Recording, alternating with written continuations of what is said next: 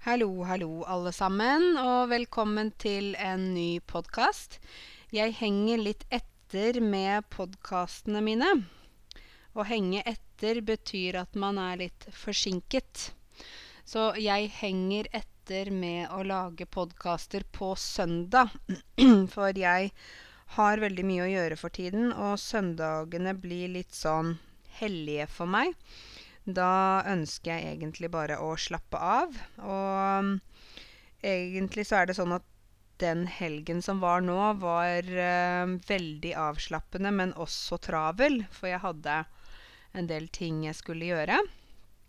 Dere husker kanskje, hvis dere hørte på podkasten i forrige uke, at jeg skulle dra på Farris bad sammen med mine venninner. Vi skulle på jentetur, eller venninnetur, til Farris bad.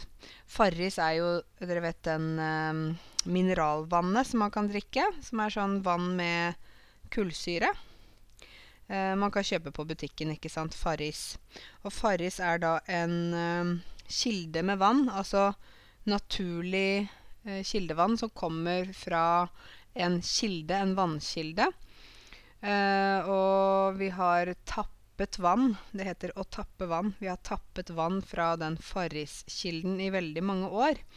Men så var det da for noen år siden, jeg husker ikke om det var 2009 eller når det var, så bestemte noen seg for å lage et spa der den Farrisvannkilden er, da.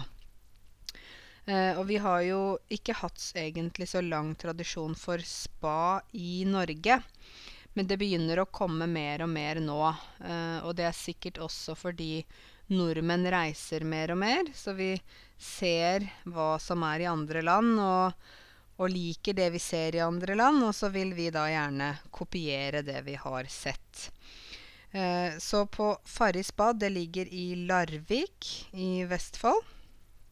Da kjørte jeg og tre andre venninner på fredag ned dit. Da tok jeg ikke elbilen min, for jeg var hadde litt sånn redsel. Jeg var litt redd for at jeg ikke skulle ha nok batteri, så jeg turte rett og slett ikke å ta elbilen. Så jeg tok den andre bilen min. Og så kjørte vi rundt klokka halv fem, og da kom vi selvfølgelig direkte inn i trafikken, inn i køen. Og måtte stå litt i kø, og det syns jeg er veldig kjedelig. Det er kanskje det jeg synes er mest sånn bortkastet tid, da. Det kjedeligste jeg kan gjøre, er å sitte i kø. Men, men, men. Det var allikevel hyggelig, for vi var jo fire venninner som satt sammen. Og så kom vi ned til Farris bad. Da hadde vi ikke så veldig god tid, for vi skulle rett på massasje. Alle hadde bestilt klassisk massasje, 50 minutter. Så vi måtte bare få nøkkelen, og så fikk vi sånn badekåpe, ikke sant, den kåpen, jakken, som man bruker når man er på spa.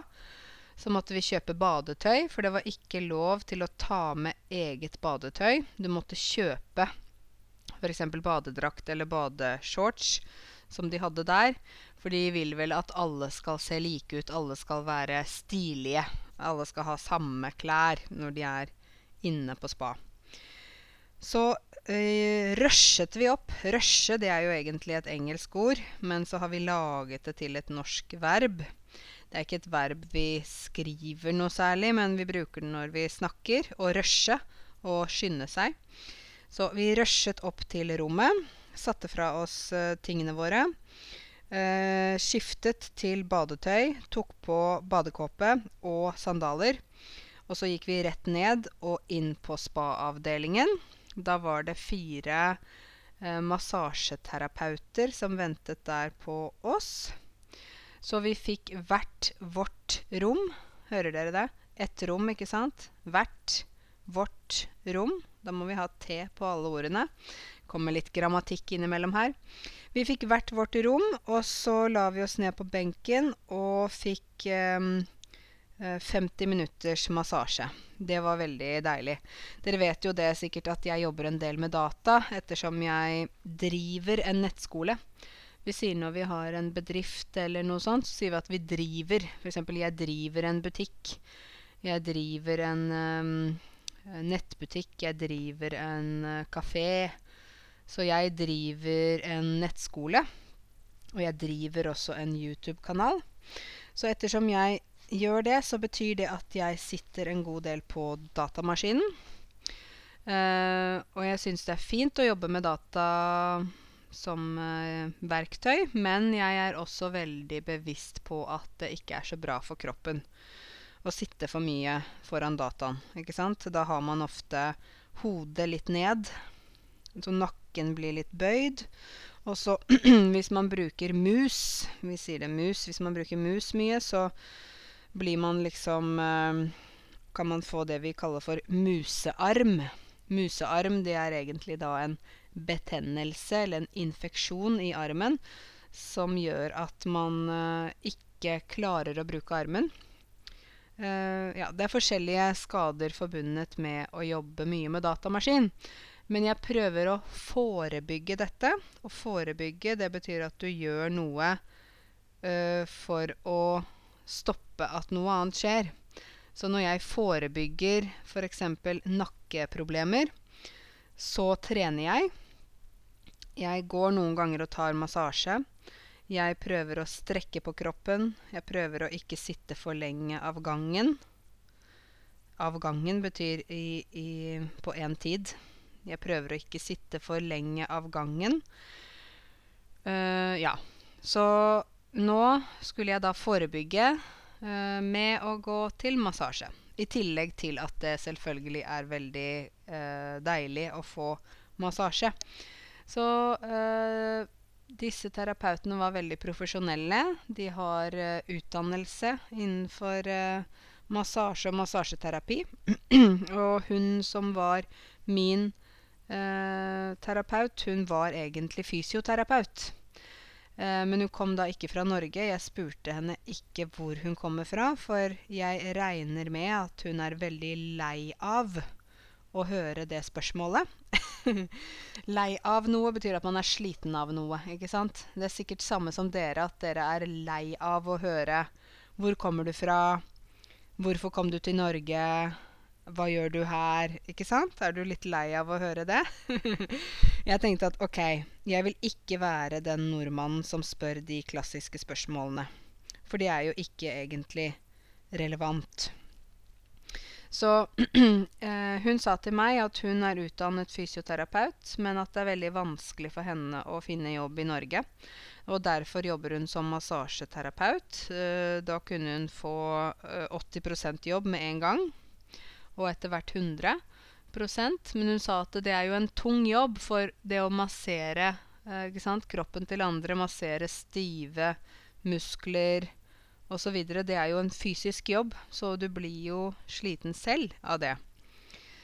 Um, og hun sa at for, for, at hun skulle jobbe som fysioterapeut i Norge, måtte hun ha bergenstesten. Hun måtte eh, ta et ekstra år på høyskolen. Hun måtte også ha to års praksis. Og deretter kunne hun søke jobb som fysioterapeut. Så jeg må si at jeg synes den norske staten gjør det veldig vanskelig for folk å um, gå inn og jobbe som den profesjonen de er utdannet til. Og det syns jeg er veldig trist. Sånn som hun, f.eks. Hun er fysioterapeut. Hun har tatt en solid utdannelse. Jeg vet ikke fra hvilket land, for jeg spurte ikke. Men uh, hun har jo masse kunnskap og sånn, men hun kan da ikke praktisere dette i Norge. Så jeg tenker at uh, den norske staten har en jobb å gjøre når det gjelder rutiner uh, for hvordan man skal godkjenne utenlandsutdanning, og også prøve å være kanskje litt uh, snillere når det gjelder godkjenning, for jeg synes de gjør det veldig vanskelig. Jeg kjenner jo flere leger, tannleger, farmasøyter, sykepleiere ja, fysioterapeuter, spesielt innenfor helsefag, men også ingeniører og andre, som da ikke får godkjent sin utdannelse i Norge direkte.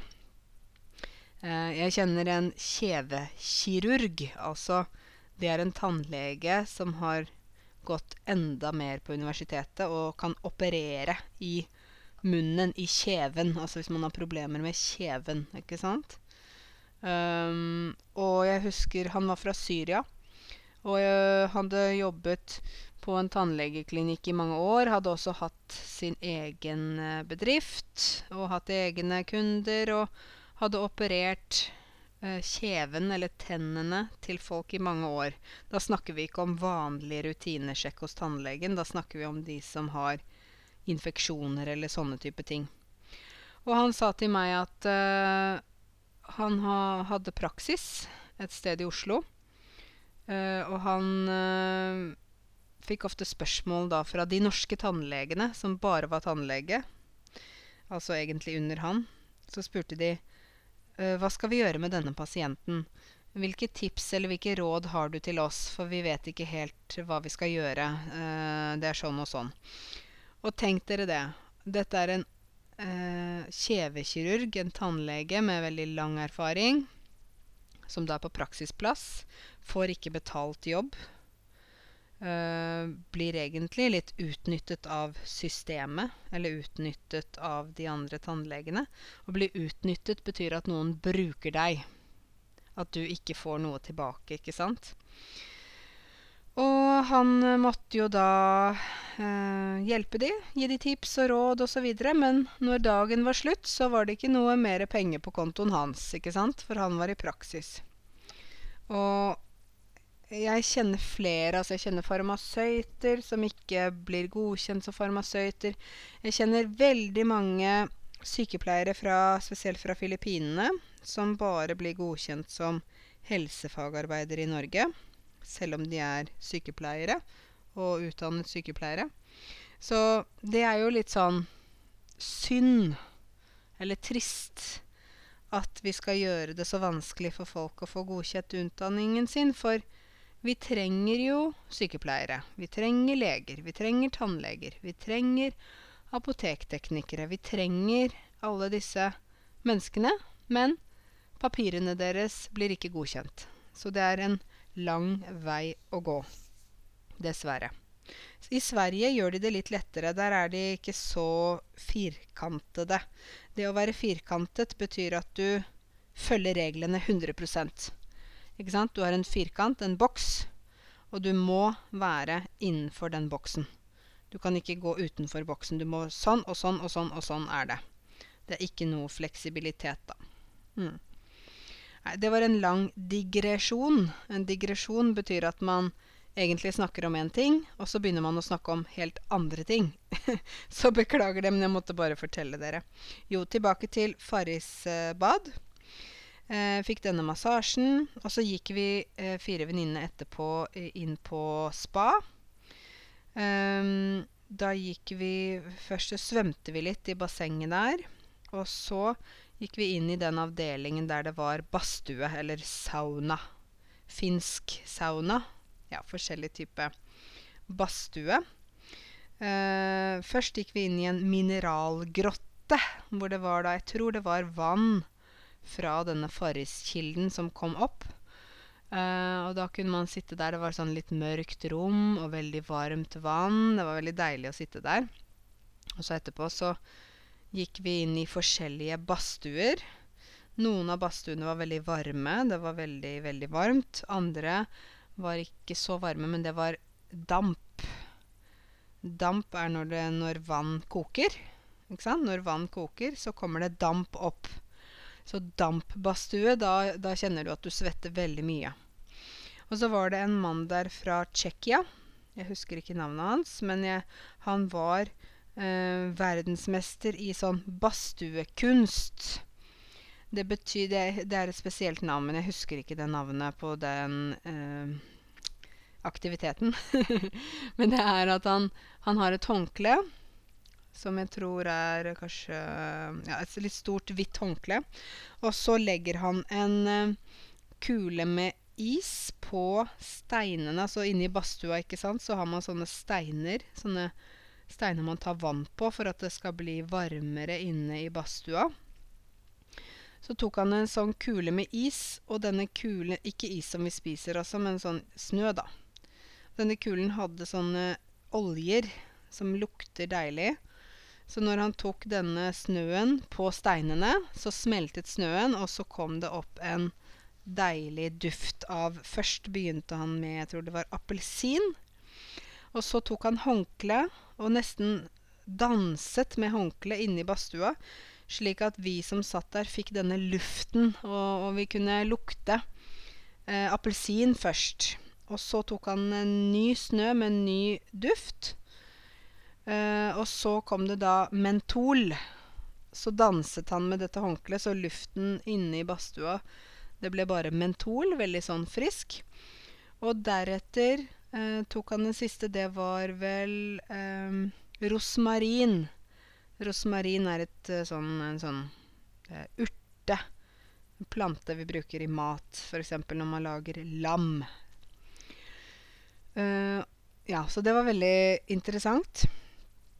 Eh, inne i badstua så var det sånn at reglene var at du måtte Du kunne ikke ha på deg badetøy, men du kunne ha en sånn peshtemal, som en sånn tyrkisk eh, slags eh, klede, håndkle, rundt kroppen. Eh, og så var det noen som da satt uten klær. Og da må jeg bare si dere Jeg er norsk, ja. Men den familien jeg kommer fra, da, den er ikke sånn at Altså, i min familie har vi ikke hatt det sånn at vi um, f.eks. går rundt nakne hjemme og sånn. Altså familien min og jeg vokste opp, så var vi litt private. Og det er en del nordmenn som ikke er så private, kanskje. De syns det er helt greit å f.eks. på treningssenteret, når man er i garderoben, å kle av seg alle klærne, undertøy og alt, og bare gå rundt uten klær inne på garderoben. Det har dere kanskje sett. Og jeg vet at en del av dere, når dere flytter til Norge, så får dere litt sjokk. For eh, dere har ikke opplevd før at folk er så frie når det gjelder nakenhet. Um, hvorfor er det sånn i Norge?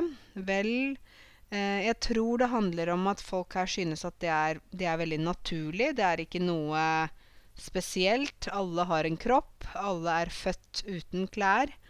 Det er ikke noe stor sak for oss. Jeg tror det handler om det, rett og slett. Så eh, ja, jeg tror det er det, men, men personlig liker ikke jeg det. Men mange nordmenn uh, bryr seg ikke om det i det hele tatt. Så når jeg satt der inne i badstua, så så jeg at det var noen menn og noen damer som hadde da tatt av seg alle klærne og satt der naken. Og da ble jeg litt sånn sjokkert. Jeg tror øynene mine ble litt sånn Jeg visste ikke hvor jeg skulle se, så jeg så ned i gulvet. um, ja. Men uh, ja, det er naturlig med kropp. Det er naturlig med nakenhet. Men vi er forskjellige. Uh, mange av oss liker å være private. At det ikke er noe som alle andre trenger å se. Og andre bryr seg ikke. Så er, uh, der er vi forskjellige, helt klart. I hvert fall etter vi hadde ø, vært i badstua, og denne mannen hadde hatt sitt danseshow med håndkle, så fikk vi beskjed om at hvis vi ønsket å prøve å bade i sjøen, altså dyppe kroppen under vann, rett etter badstuen, så kunne vi gjøre det. Og nå er det jo sånn at saltvann fryser ikke like fort som ferskvann, ikke sant? Fordi det er salt i vannet. Så det var ikke is i vannet. Altså det var Vannet var eh, bare sånn åpent. Det var en strand der. Så jeg og min venninne, vi eh, gikk fort og kledde på oss badetøy igjen. For vi hadde jo ikke badetøy når vi satt i badstua. Vi hadde bare denne, dette håndkleet, eller peshtemal. Så gikk vi, tok på badetøy og direkte ut på stranden. Og nå snakker vi om at vi er da i januar, ikke sant? Det var for meg helt uh, uh, galskap å gå på en strand i badetøy januar. Det er liksom noe som ikke er riktig med det. og så løp vi ut i vannet, dyppet hele kroppen under vann, men ikke hodet. Og så kom vi opp igjen. Det var iskaldt! Veldig, veldig kaldt vann. Men kroppen var veldig varm av badstua. Så det var jo samtidig veldig fint, men også litt smertefullt. Så da har jeg gjort det. Nå har jeg badet i januar. Jeg vet jo at en, noen av dere kanskje driver med isbading. Jeg vet jo at uh, det er noen sånn ritualer Jeg kjenner en del fra Russland som har noe sånn isbading uh, Om det er i forbindelse med uh, noe sånn religiøse um, ritualer eller noe sånt. Det vet jeg ikke, men jeg syns jeg har sett en prest, og at det har vært noe med noe kirke eller et eller annet, og is, og at man bader i isvann. Jeg, jeg vet ikke helt. Men for meg så er det i hvert fall veldig rart å bade øh, om vinteren. um, der inne på spa så var det jo mange forskjellige avdelinger. Det var uh, badstue for finsk badstue, uh, dampbadstue, det var badstue med eteriske oljer. Det var badstue der det var en TV-skjerm som man kunne se på filmer fra under vann. Det var en eh, isstamp, altså en is... Eh, basseng som var eh, uh, iskaldt vann. man kunne dyppe kroppen der. Det, det ville ikke jeg. og så var det ja, badebasseng osv. Hun ene venninna mi, hun vokste opp i Georgia. Og i Georgia så er det sånn at um, da hun vokste opp Hun er født i samme år som meg, 1985. Da var det borgerkrig uh, i Georgia. Og hun um, uh, vokste opp i en tid der det ikke ble prioritert å lære barn å svømme. Det ble heller ikke prioritert å lære barn å sykle. Så uh, hun har aldri lært å svømme ordentlig. Eh, fordi hun ikke lærte det som barn, og fordi det ikke var eh, fokus. Så når vi var der i bassenget, så sa hun, 'Vet du hva, Karense, jeg kan faktisk ikke svømme'. Og da sa jeg til henne at ok, kanskje jeg kan prøve å lære deg noe, slik at du kan i hvert fall svømme fem meter, f.eks. Så da øvde vi på det vi kaller for froskebein. ikke sant? Man har bein inn og ut, sånn som, sånn som en frosk. Og så eh, øvde vi på å svømme, eh, ta eh, fingrene sammen, ikke sant, slik at man svømmer som en Så fungerer som en åre i båten. Eh, og så eh, sa jeg til henne at det viktigste er egentlig at du stoler på at du ikke synker. Å synke betyr at man går under vann. Så hun sa ja, men jeg, jeg, jeg kan få vann i munnen, og jeg blir helt Jeg får panikk. Så sa jeg OK. Hvis du nå kan slappe av, uh, så tar du og puster inn. Skikkelig inn. Og så holder du pusten. Da blir lungene dine fullt, fylt med oksygen og fungerer som to ballonger inni kroppen. Og så kan du bare la kroppen flyte opp til overflaten av vannet. Så skal jeg holde under ryggen din, og så kan du bare ligge der. Så kjenner du at kroppen din ikke synker, men at du flyter.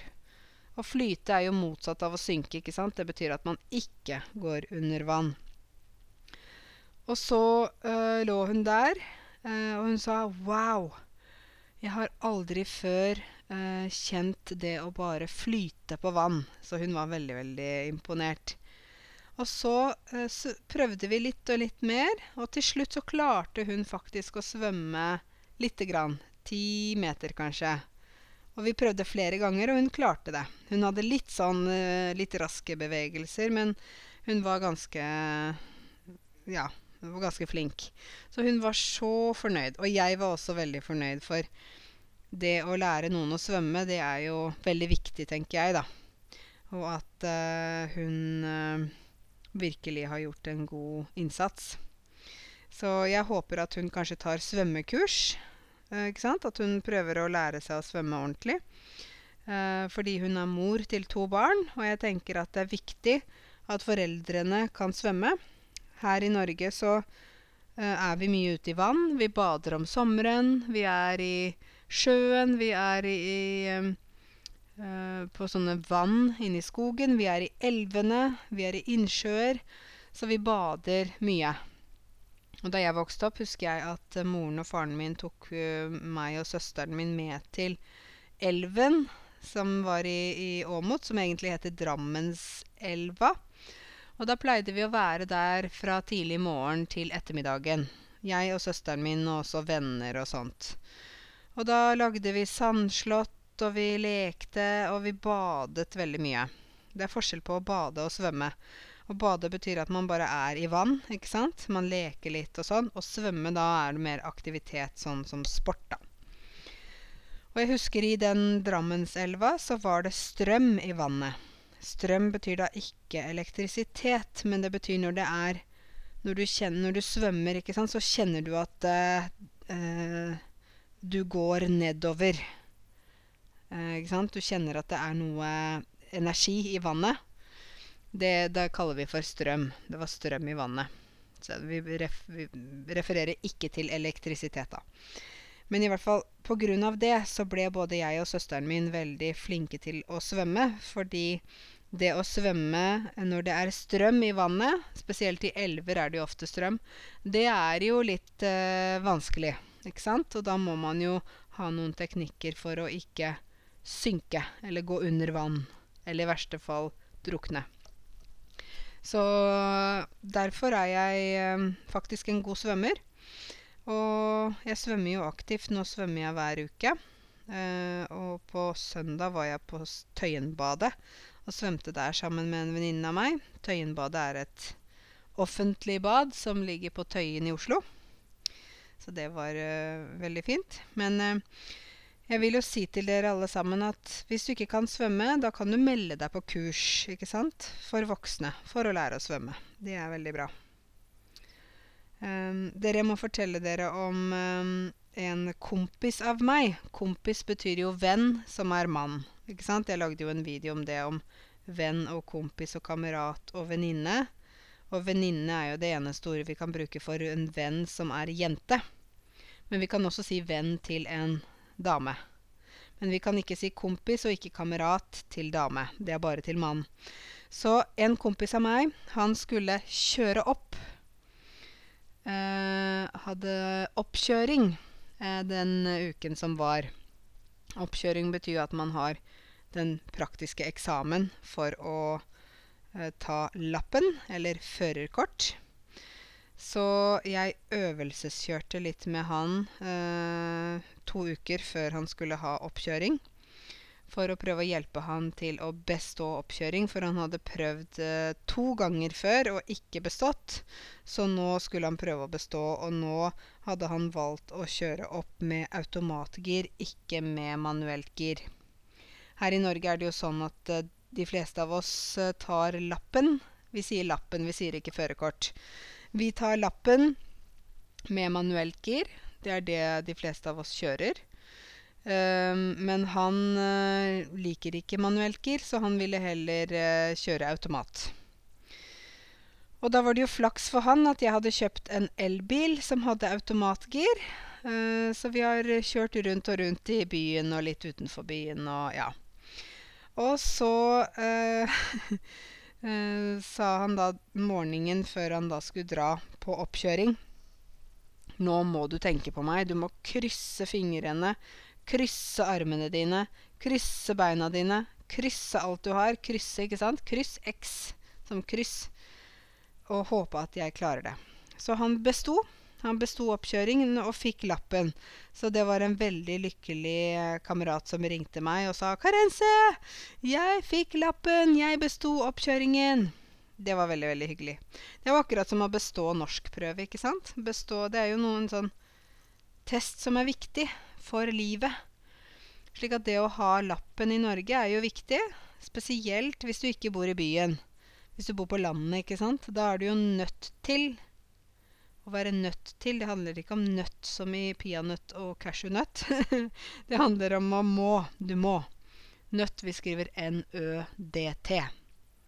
Så vi er nødt til å ha lappen hvis vi skal kunne komme oss noe sted rundt omkring.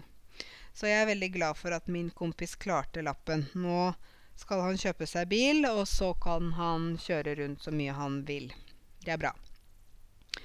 I går så var jeg eh, på en eh, middag som he eller sånn en sånn, ja, event som het Syrisk søndag. Det var eh, her i Oslo, hvor det var en organisasjon som heter REACT, som hadde organisert. Eh, og da var det foredrag om Syria. Foredrag betyr sånn leksjon, eller når noen forteller noe. Eh, og det var eh, syrisk magedans. Det var bilder av Syria før og etter krigen.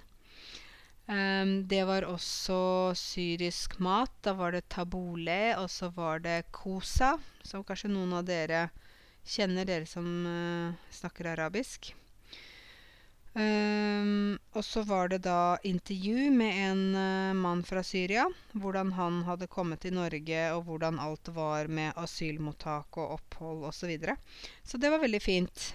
Jeg var der sammen med en god venninne av meg som har to døtre. Og de er 11 og 14 år, så de ble også med. Og hun venninna mi synes det er veldig viktig at hennes døtre lærer om andre kulturer. At de er åpne for andre kulturer, at de aksepterer folk som de er. Um, så hun sa at det er veldig bra for jentene mine å være med på dette her. Det er veldig bra for dem å treffe folk fra andre kulturer Uh, høre litt på deres historier, smake på deres mat osv. Så, videre. så de var også med, da. De syntes det var spennende.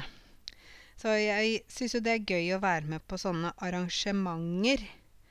Arrangement, det kommer vel egentlig fra fransk.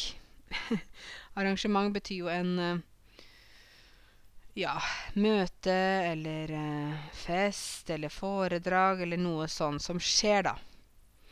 Så det å være med på sånne arrangementer, det syns jeg er veldig berikende.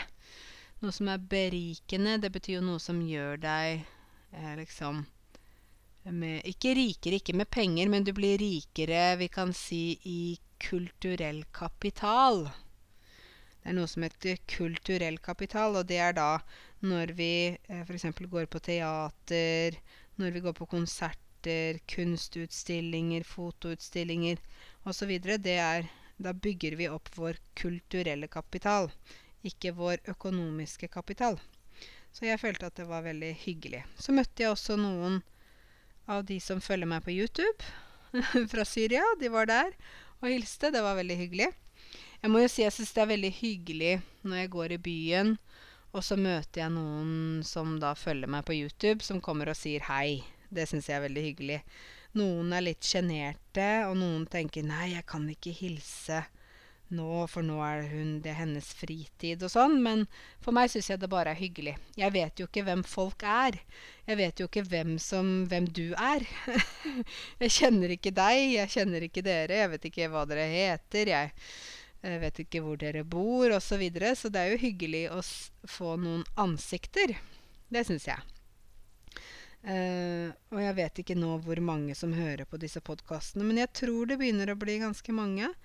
Uh, jeg håper jo at dere tipser venner uh, og klassevenner og kollegaer og sånn, som også trenger å lære mer norsk, til å høre på disse podkastene. For det er veldig god lyttetrening, tror jeg.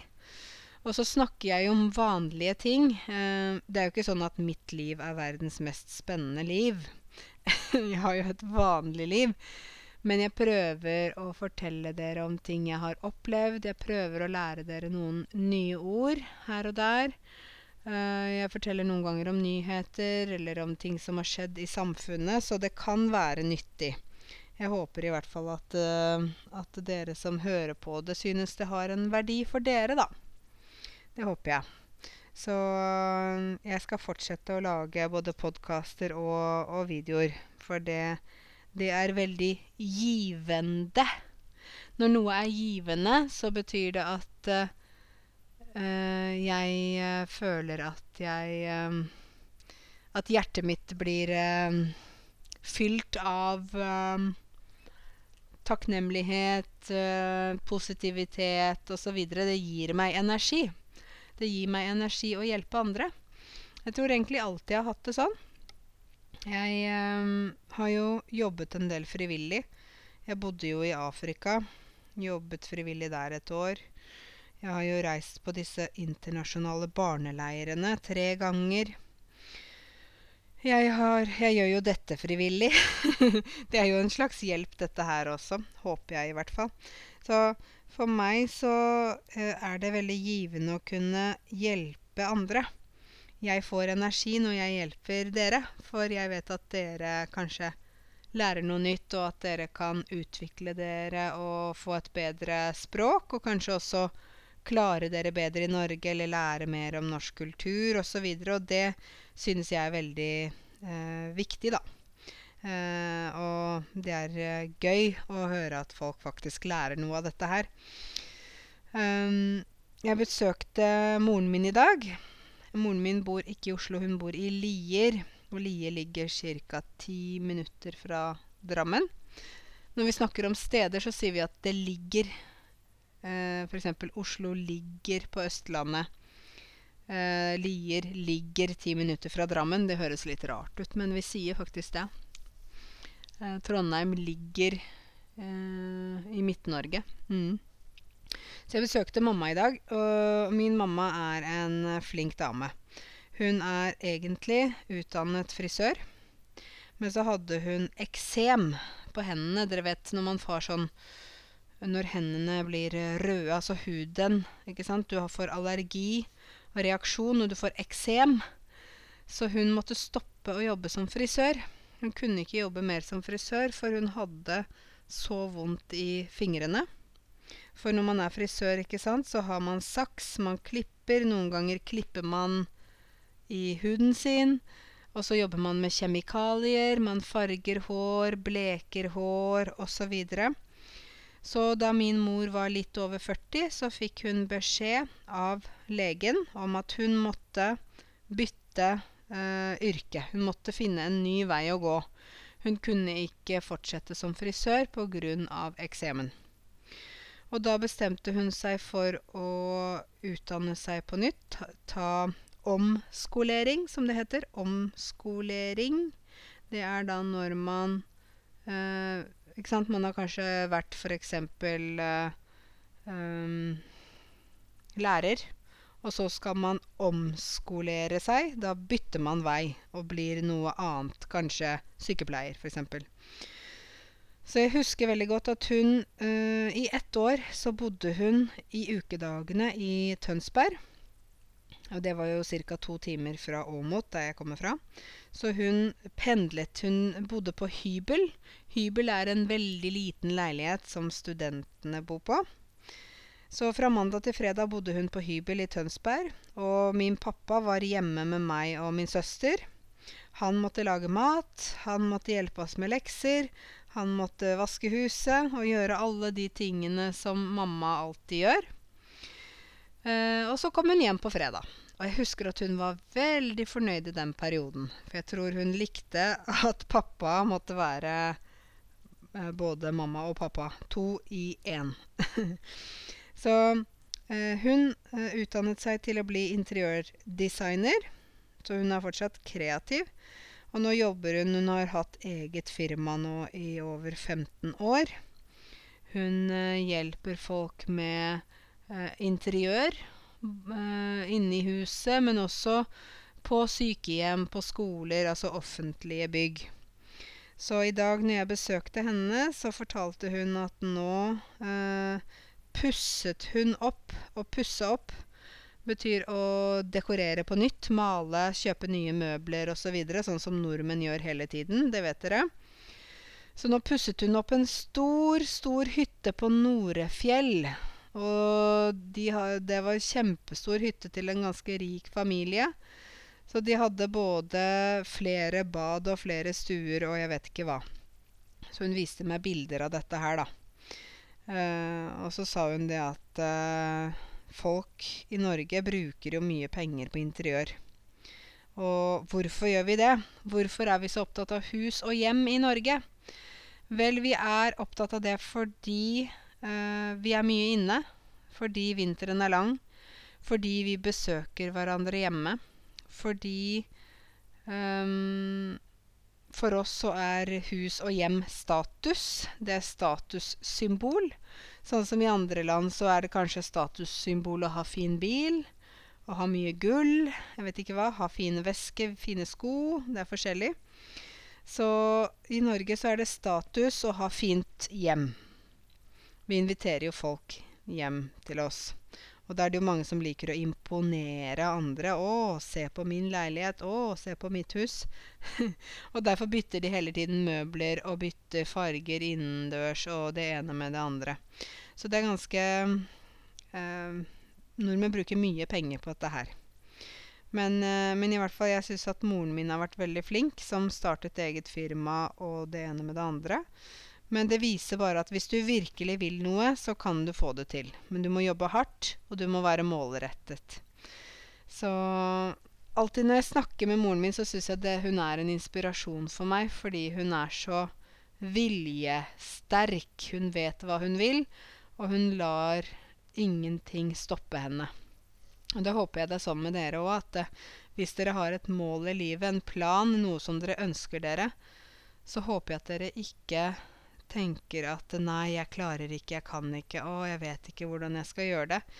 Jeg håper dere tenker at 'ok, dette er mitt mål. Hvordan skal jeg klare dette? Hvordan, hva skal jeg gjøre for å nå mitt mål?'